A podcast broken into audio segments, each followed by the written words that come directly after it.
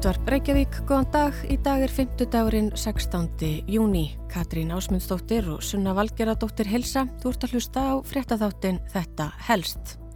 Það hefur gustað hressilega um íslensku óperuna undanfarin misseri vegna stjórnunarháta þeirra sem það ráða og vangreitra launa til söngvara.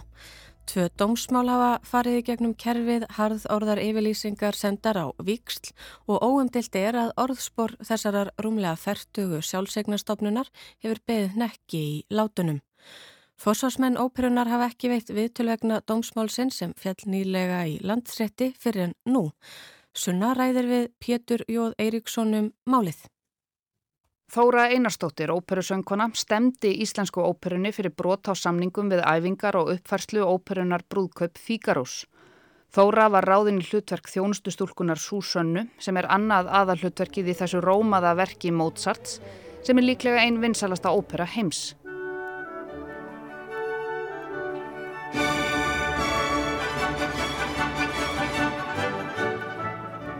Uppsetning íslensku óperunar var í höndum hátt í 20 íslenskra klassískra söngvara, aukþóru, sem margir hafa einnig leitað til stjættarfélaga vegna þess sem þeir telja vera samningsbrott af hálfu íslensku óperunar. Það berst fallegur hljómur úr þjólikúsinu þessa dagana. Ástæðan er einföld. Íslenska óperan er að setja á svið hérna Rómuðu óperu Brúkup Fíkarós eftir Mozart. Fíkaró er bara eina af þessum fullkomna óperum. Hún er bara frábælega vel samin og þetta er bara svo mikil ekta Mozart. Þarna var hún segulegu Margret í þjóðleikursinu að kynna sér brúðköpið með helstu personum og leikendum haustið 2019. Þegar Þóra stemdi óperunni upphófst smávegis fjölmiðla fár þar að segja Fjöldin allur af fréttum var skrifaður um þennan ágreining en það ekki algengt að þessi starfstjett láti til sín heyra, að minnstakosti ekki á þennan hátt.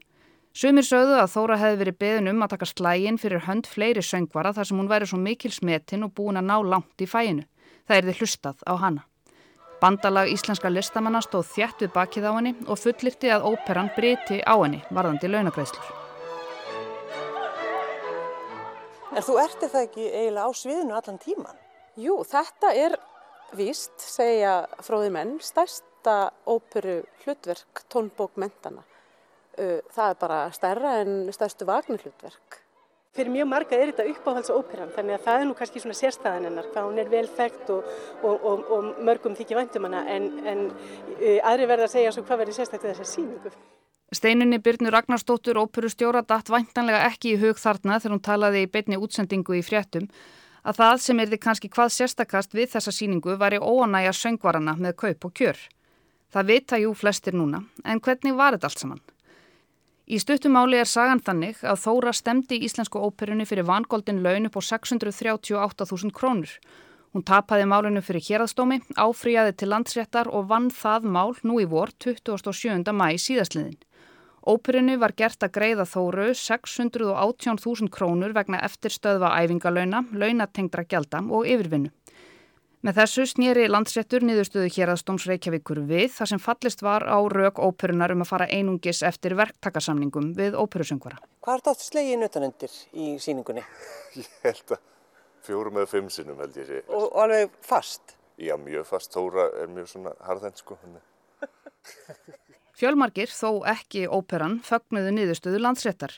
Formaður félags íslenskra hljómneistarmanna saði dómin mjög mikilvægan fyrir stjættarfélög og þá sem telja sig hafa gildandi kjærasamninga, sérstaklega í ljósi þess að verktakasamningar hafi færst mjög í vöxt. Eindreið hefði komið fram í samskiptum við óperuna að fulltrúar hennar væru að gera verktakasamninga sem kemur kjærasamningum ekki við.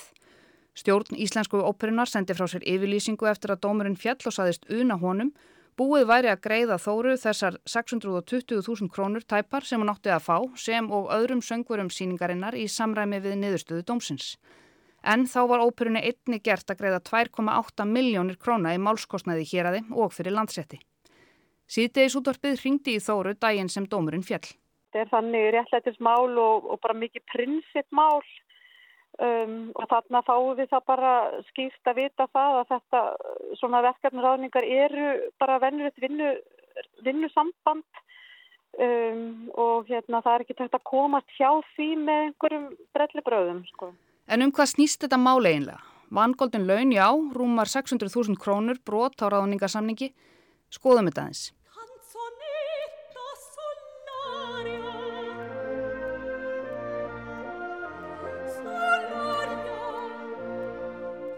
Ráðningarsamningurinn sem Þóra undirritaði með óperunni vegna brúðköps Fíkarós var dagsettur 28. ágúst 2019 og samkvæmt honum átti Þóra að fá greita ákveðna upphæð fyrir æfingatímabil og fasta upphæð fyrir hverja síningu.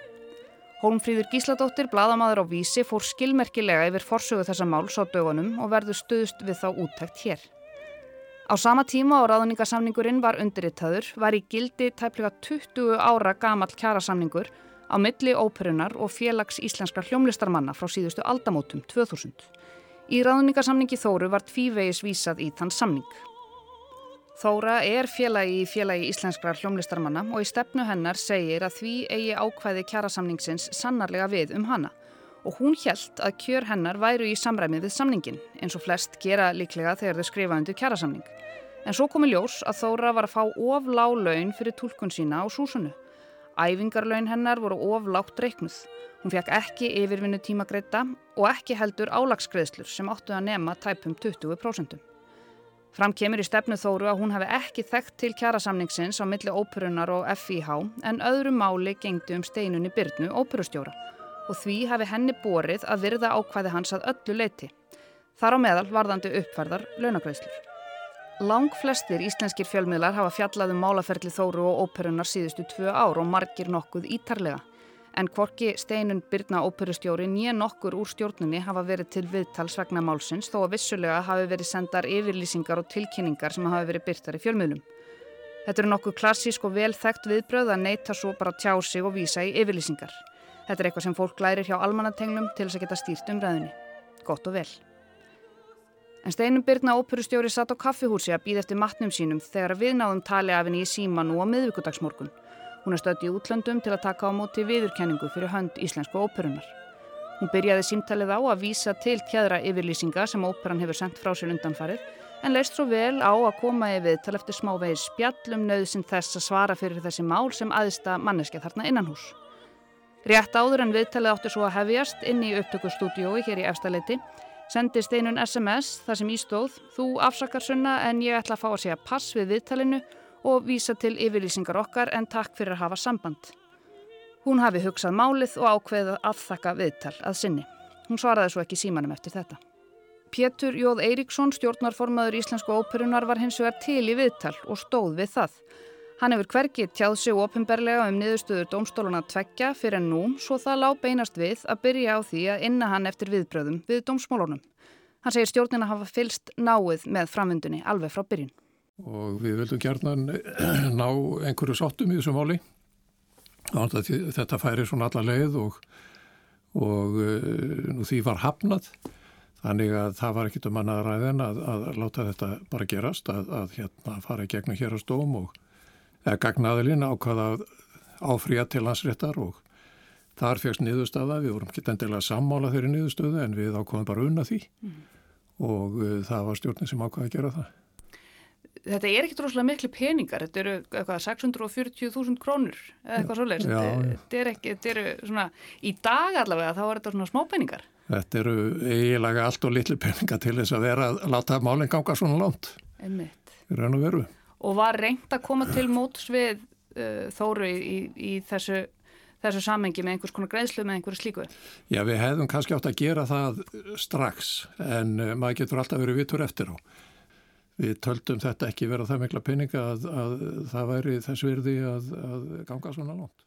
Fórumadur félags íslenska listamanna í Suðislistum og kveikmundum sagði eftir að dómur fjall í landsrétti að þið ofinbera ætti að gera úttækt á því hvernig samningamálum sé háttað hjá Íslensku óperunni. Forsvarsfólk Klassís, fagfélags klassíst mentara söngvara á Íslandi, hefur sömulegis verið harðort í garð óperunar. Eftir að síknudómurinn fjalli hér aði í janúari fyrra, sendi félagsfundur Klassís frá sér yfirlýsingu þar sem líst er yfir vantrösti á stjórn og óperustjóra íslensku óperunar vegna ófagmannlegra stjórnunarhátta á undanförnum árum eins og það var orðað. Í apríli fyrra kom fram í fréttablaðinu að ríkistjórnin hefði veikt íslensku óperunni fjögura miljóna krónar styrk umfram fjárlög þremur vikum eftir að sjö stjættar og fagfélög leituðu til ráþæra vegna fjölda umkvartana um einelti, atvinnuró og samningsbrott af hálfu óperunar. Þetta var þetta slæntur óperuna, það er alltaf þannig þegar að, eh, skulu segja, stór aðili innan gæsalappa er í ágreiningi við einstaklingin að eh, þá er samúðun alltaf með einstaklingnum. Já, oftast nær. Eða oftast nær. Oftast nær er það þannig. Já. Síðan núna eftir að þessi dómur uh, landséttar var kveðinu upp þá uh, áleiktar klassís mjög, sendir frá sig mjög sérstaka áleiktun þar sem að verða að fara fram á það að, að ríkið skrúi fyrir fjárveitingar til óperunar. Hvað finnst þér um það? Sko ég held að uh, almennt talað að þá séu söngvara sem er að starfa fyrir Íslensk óperuna ekki óunadur og þeir hafa ekki líst eh, þeirri ónægi við okkur. Okkur hefur ekki verið neinum vandamálum eða fásöngvara til þess að vinna fyrir okkur og okkur hefur heldur ekki verið, eh, við hefum ekki átt í neinu vandamálum eða semja við og um kaup og kjör. Þannig að ég held að þessi gaggrinni sko, hún sé að koma bara úr annar átt. Úr hvaða átt þá? Já, ég held að það sé bara söngvara sem er ekki að syngja fyrir Íslandsk óperuna mm. og ég veit ekki hvað þessi félagsfundur í klassis uh, var fjölminnur eða hverju mættu þar. En uh, þetta sem að við heyrum þaðan að uh, það hljóður ekki að koma frá þeim söngurum sem að, sem að hafa verið og er að syngja fyrir okkur og það, þeir eru fjölmarkir. Þarna var verið að vísa til nýjustu álíktunar klassís hvar Þóra fyrir endar með stjórnarformensku núna þar sem skorað er á Lilju Alfredsdóttur menningamálar á þeirra að stöðva fjárveitingar til íslensku óperunar. Farið er fram á í álöftuninni að stjórn óperunar og óperustjórin viki frá störfum og að búið verði svo um hnútana að hér ríki heilbreykt og ásættanlegt starfs umhverfið til óperuflutning sá meðan undirbúningur stopnunar þjóðaróperu standi yfir. Fullirt er að margir félagsmenn klassís tellið á vera sett át í kuldan fyrir það eitt að sína þakklæti sitt og stuðning við kjarabaróttu söngvara. Svo er komið að margir okkar fremstu söngvara stíga ekki á sviði í uppfærslum íslensku óperunar vegna þess að þeirra vil endi í ágreiningi við steinunni Byrjun Ragnarstóttur óperustjóra og fá því ekki tækifæri eða get ekki lengur hugsa sér að starfa fyrir stofnununa, segir fagfélag klassískra söngvara á Íslandi. En hvernig sér Pétur núna stöðu steinunar eftir allt þetta hafari? Ber stjórnin tröst til hennar? Já, já, hún gerir það og steinun hefur uh, þessi fyrsta kona sem að stýrir óperunni að hún hefur sett upp fjölmarkasýningar sem að hafa vakkið mikla aðtegli og eh, fengið mjög góða dóma. Eh, hún er, henni hefur tekist að stækka óperuna fyrir þetta litla fjármang sem eh, við höfum. Þannig að hún hefur unnið feikilega gott starf. Mm. Mér tekir mjög miður að gaggrinnin sem að á að vera málefnaleg og snúast um málefni að hún hefur farið að snúast um personlegar árósir og, og ásteinunni sem að mér þykir bæði ljótt og ósangjant. Það er nú oft þannig að það er hjólað í mannin eða konuna í þessu tilviki en ekki boltan en látum það liggja á milli hluta sérstaklega þegar steinun vill ekki svara fyrir málið sjálf. En grípum nú aftur niður í álittum klassís sem líkur raunar á þeim orðum að það sé bjart framundan í fæi klassískra söngvara í náinni framtíð En það veldi á því að fyrirnemdar kröfur þeirra náið fram að ganga. Það er að segja að Pétur og stjórninans segja af sér steinun líka og að menningamálar á þeirra skrúi fyrir fjármagn til íslensku óperunar, einungis þá. En því er haldið fram að þá finnist andrými til þess að byggja nýja þjóðaróperu og að íslenskum söngurum tyrsti í að skapa slíkan starfsvettvang sem myndi þá sinna sínu menningarlega hlutverki, ný þjóðarópera. Það hefur verið rætt um hana í dágóðan tíma Það var meira sér búin til nefnd árið 2020 um stopnun þjóðaróperu. Í lögum um sviðslistir segir að ráþeira skuli skapa grundvöld fyrir óperuflutningi og stuðla þannig að því að glæða áhuga landsmanna á óperum og í því skinn er ráþeira heimilt að styðja sérstaklega við óperu starfsemi og gera fyrir höndríkisjóðs tímabundin samning við lögaðila um fjárstuðning. Pétur segir að það sé príðis gott mál að stopna nýja þjóðaróperu ríkisins en telur skinsamlegt að slík stopnun er byggð á þeirri reynslu sem skapast hefur með starfsemi íslensku óperunar frá stopnun hennar árið 1980 en óperan er sjálfsegnastopnun sem að hefur notið ópenbæra framlega í gegnum skamtímasamninga. Sko ef að ríkið er tilbúið til þess að, að taka þessa starfsemi upp á sína arma, setja meiri peninga í hana, gera hana vega meiri, þá stiðjum við það 100%. Hafið þið eitthvað komið að þeirri vinnu eða er einhver, er einhver slíkur undirbúningur í gangi eða eitthvað svoleiðis? Því miður nánast ekki neitt, mjög lítið og uh, það er eins og að uh, starfið, þetta starf, nendastarf sem að, sem að var unnið að það, hef, það er eins og það hefði verið gert og unnið til höfu sílsanga óperunni Eh, við höfum ekkert verið spurð þángat í nýlega og, og það verðist hafa komið ennbætsmönnum í menningamálaráðunitun og óvart að, að við í rauninni höfum ekkert á móti þessari hugmynd, þvert á móti og, og við viljum náttúrulega veg og pyrralistarinnar sem vestan á Íslandi. Þannig að eh, ef, að ef að það er til peningur og það er viljið til þess að stopna þjóðunóperu þá er bent á það að það sé langt best gert með því að eh, Íslensk óperan hún gangi inn í þessa þjóðarópuru en uh, það hefur verið þannig að ríkið hefur lítið viljað sinna óperustasimi þar að leiðandi voru það einstaklinga sem stopnuðu Íslensku óperuna og uh, hún hefur verið og var gerðað að sjálfsegna stopnun og þannig hefur alltaf verið. Við höfum unnið með peninga frá ríkinu sem að hafa verið skortnið við nögl og sem hefur gert okkur kleift að setja upp eina til tvær óperur á ári pluss ímisáttar uh, minni verkefni en uh, endilega ef að, ef að hægt er. Saði Pétur Jóð Eiríksson stjórnarformaður Íslensku óperunar. Við látum þessari yfirferð okkar um mál ósáttur söngvaranna í Íslensku óperunni lokið.